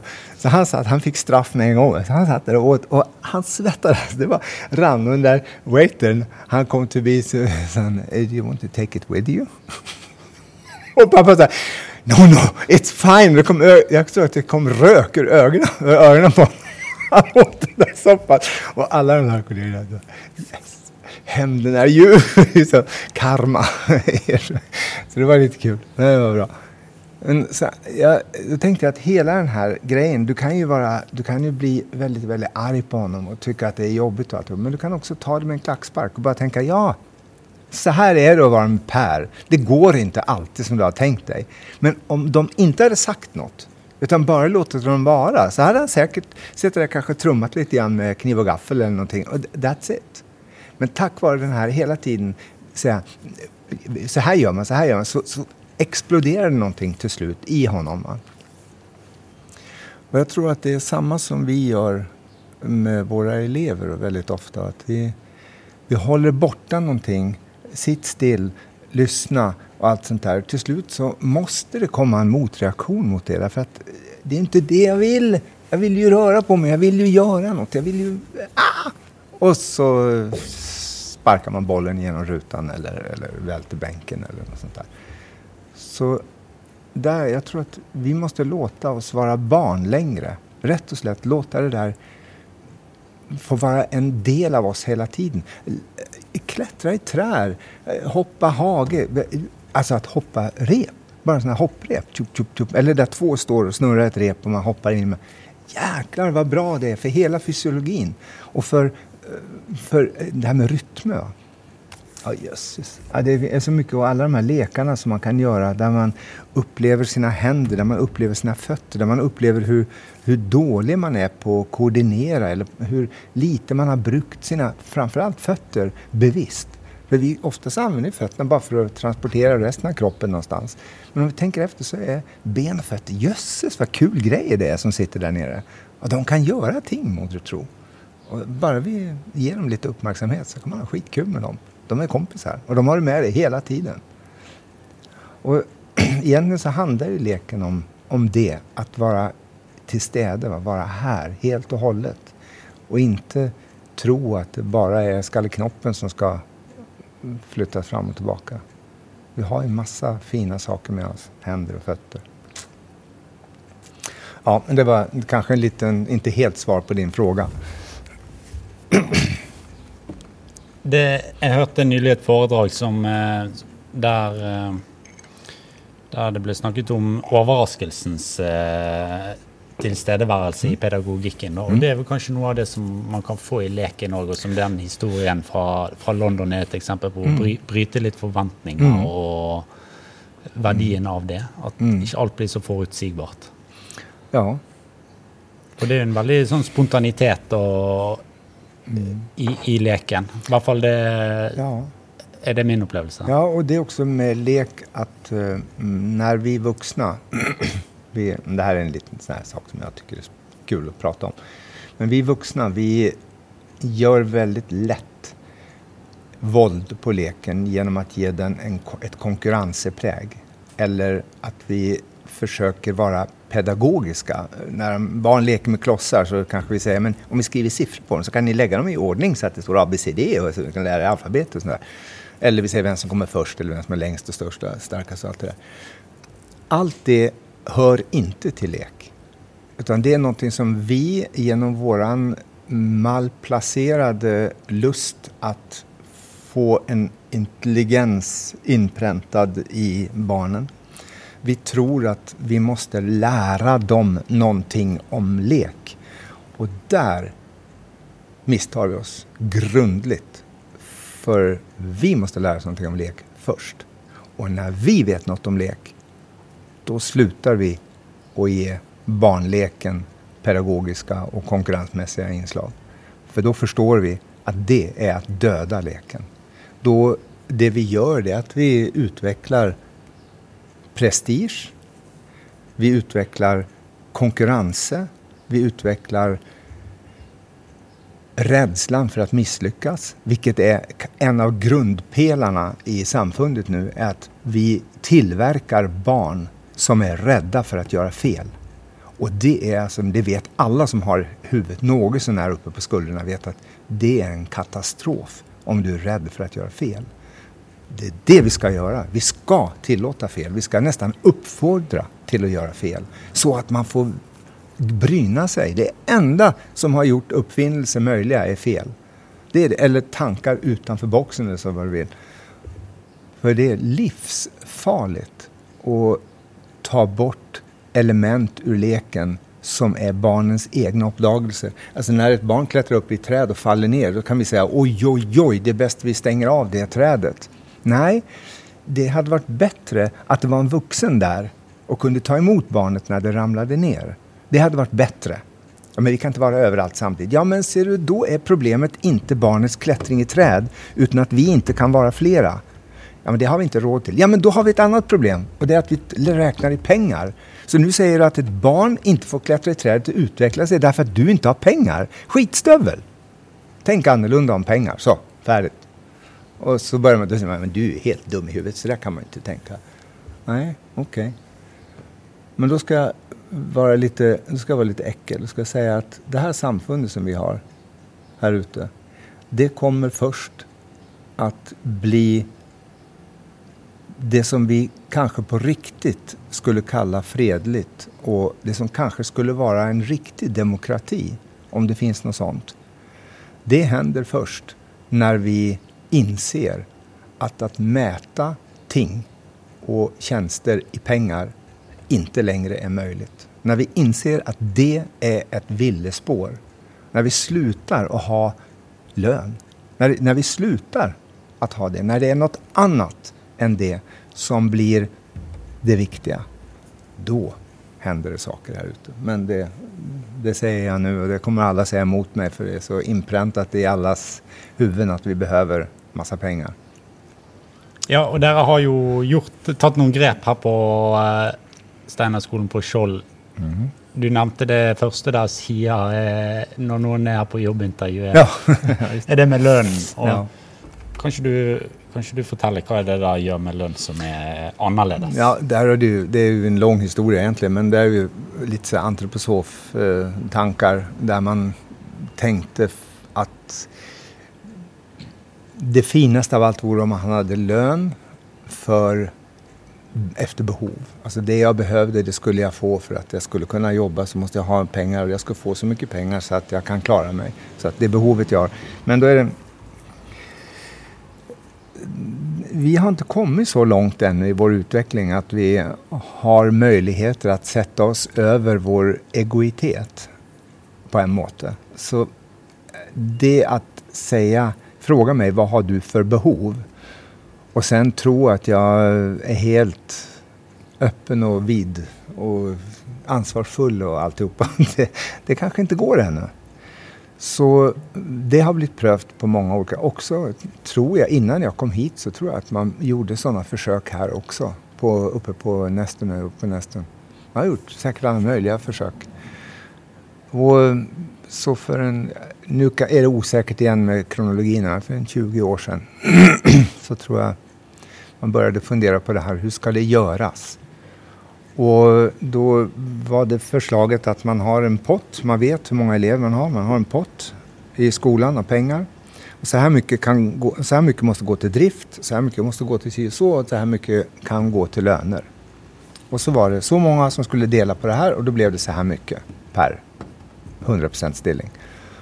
Och det blev ett sånt, ett, ett val som man gjorde på den tiden. När man sa att ja, men då, då gör vi så. Då skiter vi i om man har tio års utbildning, ett års utbildning eller om man är gammal eller ung eller har varit här länge eller kort. Det är 100% stilling ger den här lönen. Och så stiger den sakta varje år. Så att vi har nu en ganska bra lön. Alltså för en nyutbildad lärare så är det en bra lön. För en som jobbar på vidaregående i 10-20 år så kan man säga att det hade jag tjänat bättre om jag hade varit på en annan skola. Men igen, ja, jag hade tjänat bättre men då hade jag varit med i någonting som känns lite kleint. Och det är att säga att du som är ung här, du är inte värd lika mycket pengar i månaden som jag är som har varit här länge. Jag är alltså lite bättre än dig därför att allt går om pengar. Du får mera därför att du är duktigare. Är du verkligen det? Skulle du vara en bättre lärare om du fick 100 000 mer om året? Skulle du vara bättre med barnen då? Då har du ingenting i läraryrket att göra överhuvudtaget. Då bör du pella dig väck fort som fan du måste göra ditt jobb. Och sen kan du klaga på pengar, det är helt fint. Jag kan klaga på att jag inte har nock. Men jag gör inte ett sämre jobb med eleverna för att jag inte får nock med pengar. Det är helt idiot. Men om jag hela tiden går omkring och oroar mig och irriterar mig på att jag inte har lika mycket som kocken har eller någonting då blir det ett moment av förstyrrelse i mig. Så då börjar jag liksom tänka på hur ska jag göra? Om jag, om jag jobbar två år till så får jag mera pengar då. Då blir det, och då, då går jag upp. Då, då, då, vad fan tog pedagogiken vägen? Då handlar det om eh, att få anciennitet eller ja, om jag tar den där utbildningen också. Så får, vad är det för race? Om alla har samma och vi slutar att prata om det, det bara är så. Det, snacka inte om det. För det här är, det, så här mycket får du, that's it. Vi har inte haft mer än kanske på totalt, nu, nu vet inte jag det här, men jag, jag har personligen varit med om två tillfällen när vi har pratat om lönen. Och det är i 20 minuter per gång. Under mina 20 år här. Och du kan bara tänka dig hur en lönsförhandling går till ellers med tillitsvalkt och de sitter i veckor och klagar och pratar och fram och tillbaka och lägger ihop hur mycket anciennitet och vilka som... Mycket, jäkla kabal att lägga ihop det där. Och alla, alla, många tycker det är helt okej. Okay. Men vi tänkte att vi ska slippa att tänka på det där överhuvudtaget. Och det går. Det går så susar om det. Det kommer av och till någon som klagar och säger men jag skulle fått mer om jag... Ja, varsågod. Det finns andra arbetsplatser. Det är ingenting som säger att du måste vara här. Men vill du vara här så är det det här som gäller. Och vi har folk som har kommit hit som har haft eh, skyhöga löner som kommer hit och säger nej, jag är hellre här för halva lönen, för det är här jag vill vara. Så, det finns också. Så det är inte hugget i sten att man måste ha lönsstegar eller vad det kallas. Jag vet inte. Så vi har lik lön för alla. Beroende på procent förstås. Jag har 50 procent av lönen om jag jobbar 50 procent och så vidare. Mm. Så, färdig med saken. Det är ingenting att tänka på, så det, det, är väldigt enkelt och så blir det mindre tjafs. Ja, man fjärnar det från, från. Ja, visst. visst. Mm. Och hade vi haft liksom 300 000 om året, då är det klart. Då hade, det, då hade vi slitit många av oss. Så, jag vet inte. Jag tycker att det är... Visst, alla vill ha mer pengar. Men behöver vi det? Ja, då får vi jobba på ett annat ställe. Ja. Vi, vi fikk litt av historie, men nå ja. i dag, hvor er, på, hvor er videregående trinn på Skjold i dag? Nu är vi faktiskt på ett väldigt kul nytt ställe. Nu är vi där att vi ska blanda ihop oss mera med ungdomsskolan här uppe på vanliga skolan. Alltså med eh, hälsopedagogisk ungdomsskola.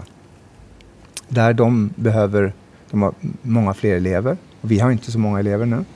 Och de, alltså i förhållande till vad vi har för plats här nere. Och då tänker vi att de skulle kunna få in flera elever om de äldsta och vanskligaste eleverna kunde få ett tillbud här nere där de behöver praktisk, mer praktisk undervisning och i verkstäderna. Så just nu så är vi inne i den här, vi ska ändra saken nu till, vår, till hösten. Då kommer flera av ungdomsskolans, eller ungdomsskole HP, ner hit.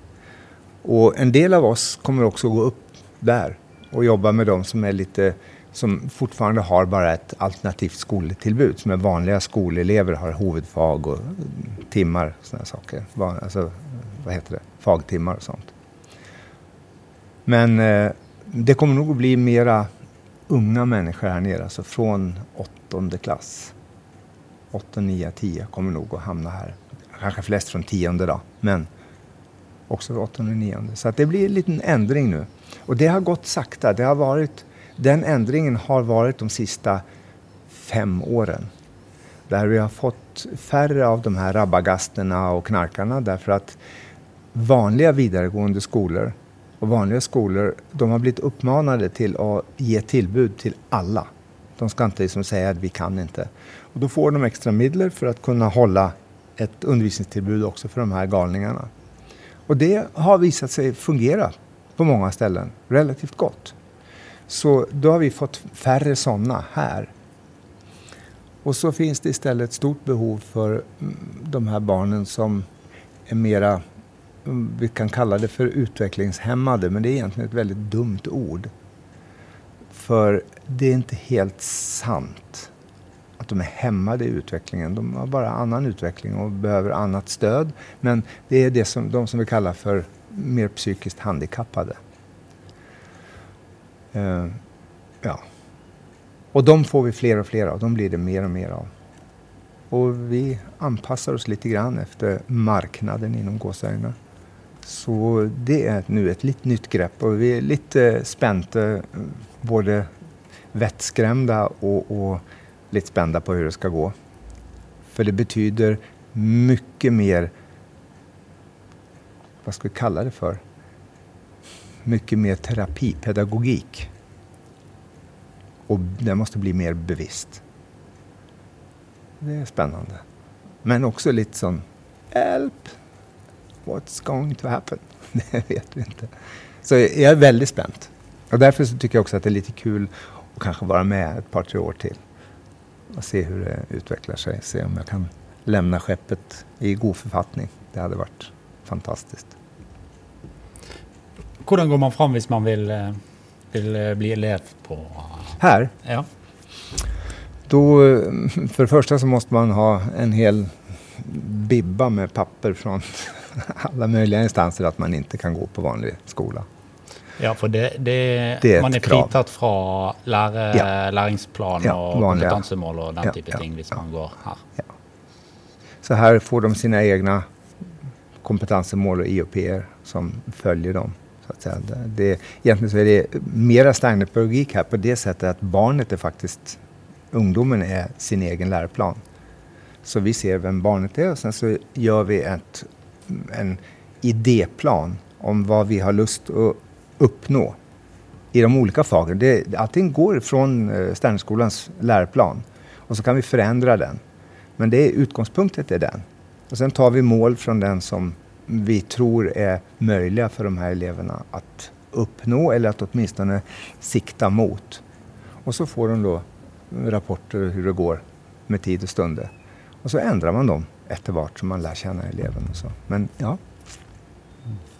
Så för att söka hit, då söker man hit därför att man enten vill ha sitt barn på en Sternerskola, hälsopedagogisk, eller för att man inte har hittat det som är någon annanstans. Att man inte hittar fram. Vi hoppas ju att elever från ungdomsskolan här uppe ska se, ja men fasen, vi, klart vi ska fortsätta där. De här kokorna. Mm. De är dritgöja att jobba med några. Och några är ju bara, man drar sig i håret. Men det är en utfordring alltså. Jag blir trött bara jag tänker på det. Men det är kul. Och det är det man voxar på, utfordringarna? Absolut, alltså. det, det är inget annat. Och de också. Det är göj för dem att komma till ett ställe där folk faktiskt bryr sig. Mm. Ja. Är det några er det noe jeg ikke har spurt om, som jeg skulle ha spurt om, som du har på hjertet? Mm. Nej, jag tror inte det.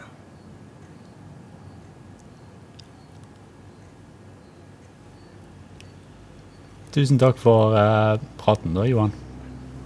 Takk sjøl.